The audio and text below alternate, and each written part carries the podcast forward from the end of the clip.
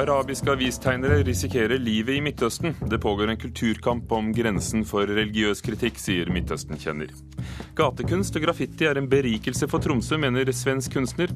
Taggere er som hunder som markerer revirer, sier byrådslederen. Det er suksess for sommershowene på Sørlandet, og vi anmelder åpningskonserten på Notodden Bluesfestival. Og dette er saker her i Kulturnytt i Nyhetsmorgen i NRK P2 og Alltid nyheter med Ugo Fermariello i studio. I Tunisia har en imam oppfordret til drap på kunstnere, som eh, skal gjengi et provoserende bilde av revolusjonen. Halvannet år etter den arabiske våren har religiøse partier vunnet valgene i Tunisia og Egypt, og et religiøst konservativ nasjonalforsamling er på plass i Libya. Den svensk-syriske avistegneren Saad Hajo kjemper mot regimet i Syria med pennen. Hele livet har han trodd at satire og latter hjelper mot vold. Jeg selv har, har trodd hele mitt liv at satiren minska aggressivitet. Om man fått våld av noen, første reaksjon at jeg tilbake det voldet. Men når man skratter åt problem, da blir det tvert om. Det sa den svensk-syriske avistegneren Saad Hajo til Sveriges Radio. Saad har bl.a. tegnet for den franske avisen Le Monde og egyptiske Al-Ahram. Saad publiserer daglig karikaturer som kritiserer styresmaktene i Syria, men det kreves forhåndskunnskap for å forstå kritikken i tegningene. F.eks. er ordet flyplass slang for en ørefik. Sikkerhetspoliser bruker slå folk så der. Det blir som en kjent ord som betyr har du fått ille, har du fått en flyplass? ربنا أنت قلت في كتابك المنزل ادعوني أستجب لكم هذا الدعاء يا الله Syriske demonstranter protesterte flere steder i landet etter at byen Tremse ble bombet av syriske tropper.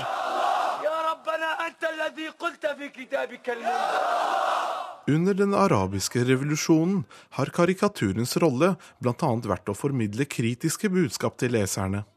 Men budskapet er ikke alltid lett å formidle, sier Roar Hagen, som arbeider som avistegner i VG. Det er slik at, eh, at våre arabiske kolleger er klemt mellom to uh, ytterpunkt. Altså det er makthaverne, som i Syria typen Assad. Og så er det de religiøse på andre siden. Det å kritisere makthaverne i et diktatur er jo svært vanskelig, for ikke å si livsfarlig.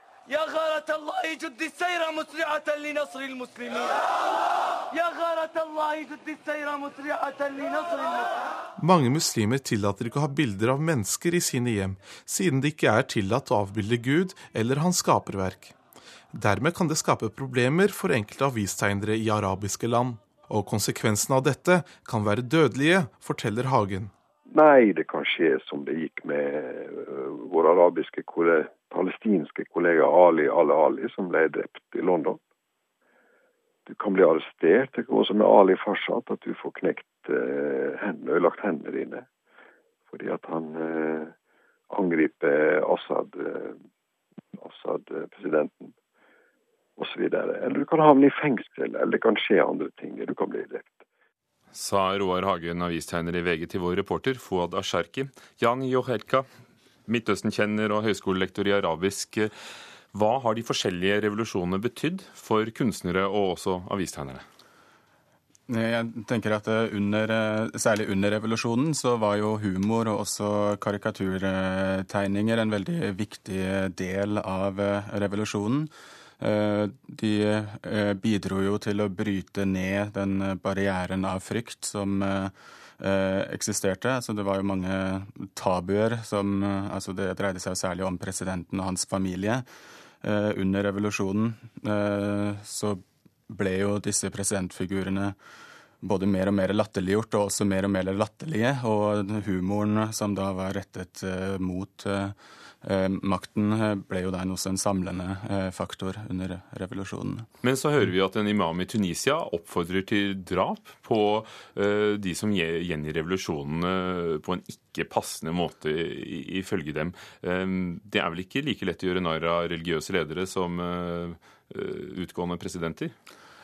Det er jo, som det også ble sagt i reportasjen, så at disse karikaturtegnere er presset eller i en skvis mellom makthavere og de religiøse. Det foregår nå etter revolusjonen kanskje en sånn revolusjonær eufori at nå har man på en måte vunnet denne friheten, så tøyer man også grensene, eller man prøver i hvert fall ut hvor de nye grensene er. Og dette gjelder jo da både for eh, sekulære avistegnere, men også for eh, religiøse bevegelser og salafister, som gjerne prøver å eller um, som gjerne vil finne hvor de nye grensene er, eller hvor langt de kan, de kan gå med, med sin agenda i det nye i det nye klimaet. Kan du minne oss om hva salafistene står for?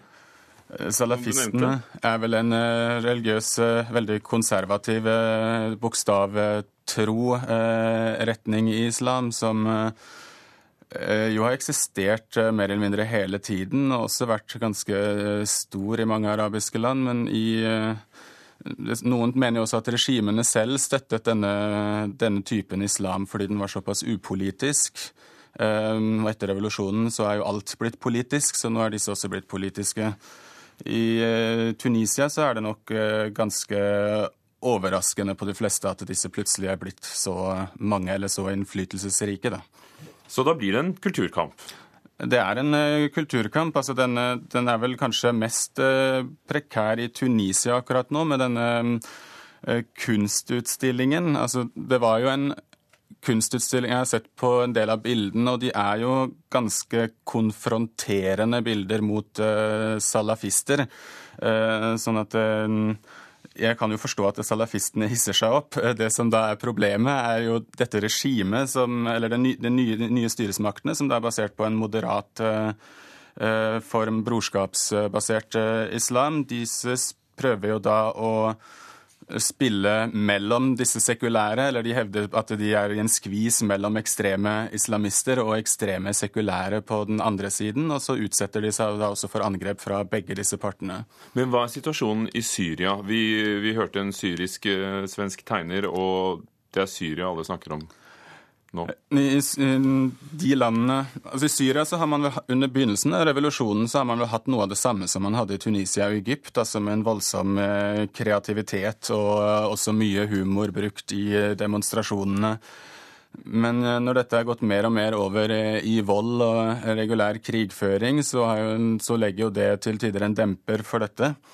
Eh, og nå som man da har to eller flere parter som kjemper mot hverandre, så vil jo en eh, karikaturtegner Uh, utsette seg for en av partenes vrede. Så jeg har sett eksempler i Syria for avistegnere som er blitt forfulgt av regimet, men også avistegnere som er blitt utsatt for trusler fra den islamistiske opposisjonen. Men er dette folkelesning?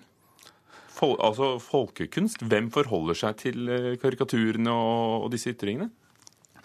De eh, er nok en del avistegnere som er ganske kjente. Eh, og, eh, og avislesingen er jo gått opp i Midtøsten, men altså særlig, det sprer seg jo særlig gjennom Facebook og sosiale medier.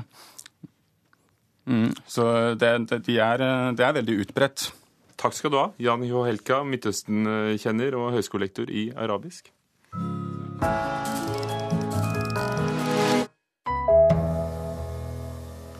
OL i London blir betegnet som det første Twitter-OL av britiske medier og analytikere, skriver VG i dag. Uken før åpningsseremonien ble det ytret flere tweets eh, på én dag enn gjennom hele Beijing-OL i 2008.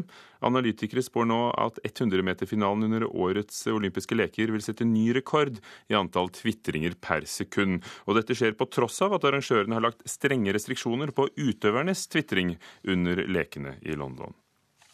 Flere bokhandler gir ut både billige og gratis e-bøker for å fange publikums interesse, ifølge Dagens Næringsliv. Bokhandlerkjeden Ark har i sommer kjørt kampanjer der romaner av Helene Uri, Levi Henriksen og Gunnar Staalesen selges som billige e-bøker.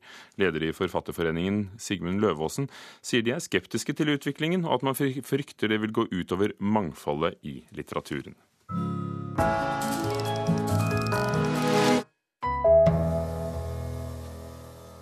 Taggere er som hunder som markerer revir, det sa byrådslederen i Tromsø om taggerne som har eh, satt sitt merke på flere hus i byen i sommer.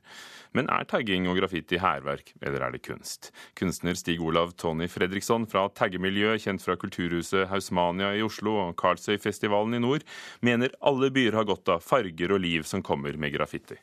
Det finnes noe moderne talesett. Hvis man kommer til en by uten eh, f.eks. tags, da, så er det en død by. Tagging og graffiti er ett av hovedelementene også i den nordnorske hiphop-kulturen. I sommerregnet har fargerike tegninger og signaturer poppa opp på grå bygninger, også i Tromsø. Dette til bekymring for noen. Taggere fra hovedstaden har satt sitt preg på Tromsø med signaturen TND. Det får byrådsleder Øyvind Hilmarsen fra Høyre til å reagere. I avisa i Tromsø sammenligner Hilmarsen taggere med hunder som markerer revir. Nei, det var vel en formulering jeg hadde. Altså, jeg stempler ikke noen mennesker som hunder. Eh, og det Absolutt ikke. Men altså, atferden der man bare ønsker å, å, sette sitt eh, buemerke på et hjørne her og der i en ny by eller andre ting, det er jo bare å markere et slags revir. Hilmarsen understreker at det er den ulovlige tagginga som han ser på som hærverk, og som bekymrer han. NRK har sjekka om folk flest i Tromsø deler bekymringa. Liker ikke det. Det er ikke pent. Nei, hvis, eh, hvis, det er noe sånn, eh, sånn fin tagging, ikke sånn som vi er vant med i Oslo, så, så er det jo helt greit. Jeg pynter jo opp. Nei, Det kommer an på hvordan taggingen er. Hvis det er sånn eh, tillatelse man får til å tagge, så ser det jo fint ut. Men hvis det bare er for å gjøre noe kriminelt, så er det jo ganske stygt. Det kan helt fint være en del av bybildet hvis du gjør det på kontrollerte steder. Tagging er ikke så veldig fint på glassvinduer på butikker, på utstillingsvinduer og sånn, syns jeg, men det kan være et frisk friskt pust i bybildet på en ellers grå, kjedelig vegg. Kurator og instituttleder ved Kunstakademiet Tromsø, Helga Marie Nordby, sier at det ikke er tvil om at tagging og graffiti kan være både kunst og hærverk, og kanskje et naturlig steg på veien til en storbyidentitet. Graffiti og tagging er et urbant fenomen, og at det fins i Tromsø, er jo bare et tegn på at Tromsø er en by med den kompleksitet og mangfold som følger med. Kan gatekunst bli noe som Tromsø f.eks. kan utnytte profilering av byen, og satse på f.eks. sånne prosjekt? Eh, det, det, vet jeg ikke helt. Jeg vet Bergen har gjort det på, eh, prøvd å satse på det. Jeg tror, tror det er veldig, veldig vanskelig at, at det Tromsø skal profilere seg og være i framtida. Men jeg syns man også skal ha mulighet til å gi rom for lovlig, god graffitikunst, gatekunst. Men jeg vil slå hardt ned på ulovlig hærverk som, som eh, bare tagging der man skribler en signatur på, på uh, nesten umulig å lese på på eiendommer og på offentlige bygninger, det, det vil jeg karakterisere som hærverk. Kunstner Stig Olav Tony Fredriksson, kjent fra Karlsøyfestivalen og Husmania, mener at en by uten tags og graffiti er en død by. Ikke noe kultur, ikke noe sånne ting der, og det er trist. Men en eh, by med tags eller med piser eller graffiti eller folk som uttrykker seg på veggene, der er det òg liv og rørelse. Til slutt eh, Stig Olav Tony Fredriksson, kunstner, og reporter var Elise Holdal om tagging i Tromsø. Klokken nærmer seg 17 minutter over åtte. Dører på Nyhetsmorgen. Hovedsaken i dag. FNs avgåtte spesialutsending til Syria, Kofi Annan, oppfordrer president Obama og Putin om å ta felles ansvar for å skrinlegge uenighetene og finne en løsning i Syria. Utenriksminister Jonas Gahr Støre beklager Annans avgang. Han fikk eh, et mandat, han fikk en mulighet. Han la fram den eneste realistiske planen som har vært eh, for en fredelig utvikling i Syria. Den har partene på bakken ikke fulgt, og Sikkerhetsrådet er splittet. Da er det ikke veldig mye mer han kan gjøre. Og egentlig er det ansvarlig da, å si at da får de som har ansvaret, partene og Sikkerhetsrådet, ta det ansvaret. Han kan ikke sitte der og være en form for unnskyldning for at ikke det går eh, som det skal i Syria. Foreldre som skal hjelpe barna til å få seg en leilighet, presser boligprisene opp til nye høyder. Og Det viktigste som er, er at det koker på boligmarkedet. Så Dette er jo en, en, en resultat av flere års lav boligproduksjon, befolkningsvekst, sentralisering, god økonomi osv.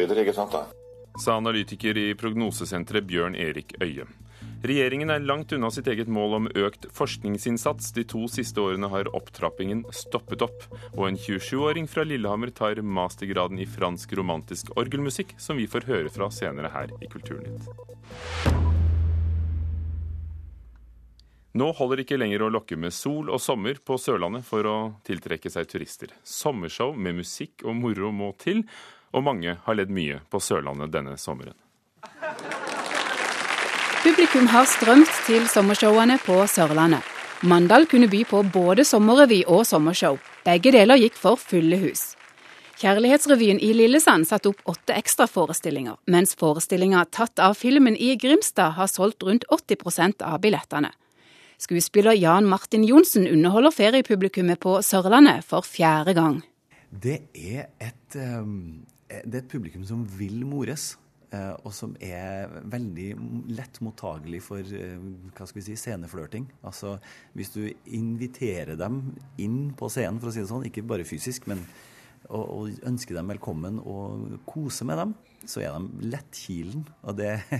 men også dønn ærlig. Altså, hvis de ikke liker noen ting, da merker du det enda bedre, fordi at uh, de er så innstilt på å, å, kose seg. Så hvis de ikke liker noen ting, så får du vite det ganske kraftig. Her om dagen så ble jeg med, gikk på kino for å se. Noe med en diger hai som kom inn til kai. Bak forestillinga tatt av filmen står produsent Rolf Erik Nilsen. Grimstadmannen driver med show på heltid og har en visjon for Sørlandet. Jeg tror at det er helt nødvendig i framtida at vi får turister på Sørlandet, og kanskje også for folk som bor på Sørlandet, at vi skulle hatt tre-fire knallgode, nasjonalt gode forestillinger om sommeren som det var verdt å reise til Kristiansand for å se, og det var verdt å reise fra kristiansandere til Grimstad for å se, og det var verdt å reise fra begge steder til Lillesand for å se. Det vi vinner ikke på mest sol lenger, det er da er det andre steder som vinner for oss. I Arendal bestemte de erfarne revyartistene Hege Ribe og Lene Fiskebekk seg for at byen trengte et sommershow. Resultatet ble suksessforestillinga To pluss to er lik sant. Jeg har fått veldig bra respons. Og det er jo folk som har kommet flere ganger på showene våre. Og vi har allerede planer for neste år. Mens Hege Ribe satser på å bygge opp en tradisjon i Arendal, så er det én by helt uten sommershow også i år. Kristiansand er en vanskelig by eh, å selge ja, sommershow i. Mye vanskeligere enn både Grimstad og eh, Mandal og andre steder. Jeg har jo noen venner av meg som spiller revy hver sommer i Mandal, og det går for fulle hus. Skuespiller Janne Formoe har opplevd både å lykkes og mislykkes med å selge billetter til sommershow i Kristiansand. Jeg tror de er litt trege, og så tror jeg kanskje også Kristiansand mangler et sted som f.eks. Apotekergården i Grimstad, hvor du føler du kan sitte ute, men være under tak hvis det er dårlig vær. Men du har en sånn uteatmosfære og veldig sånn sommerlig sted å spille på med en sånn sommerscene.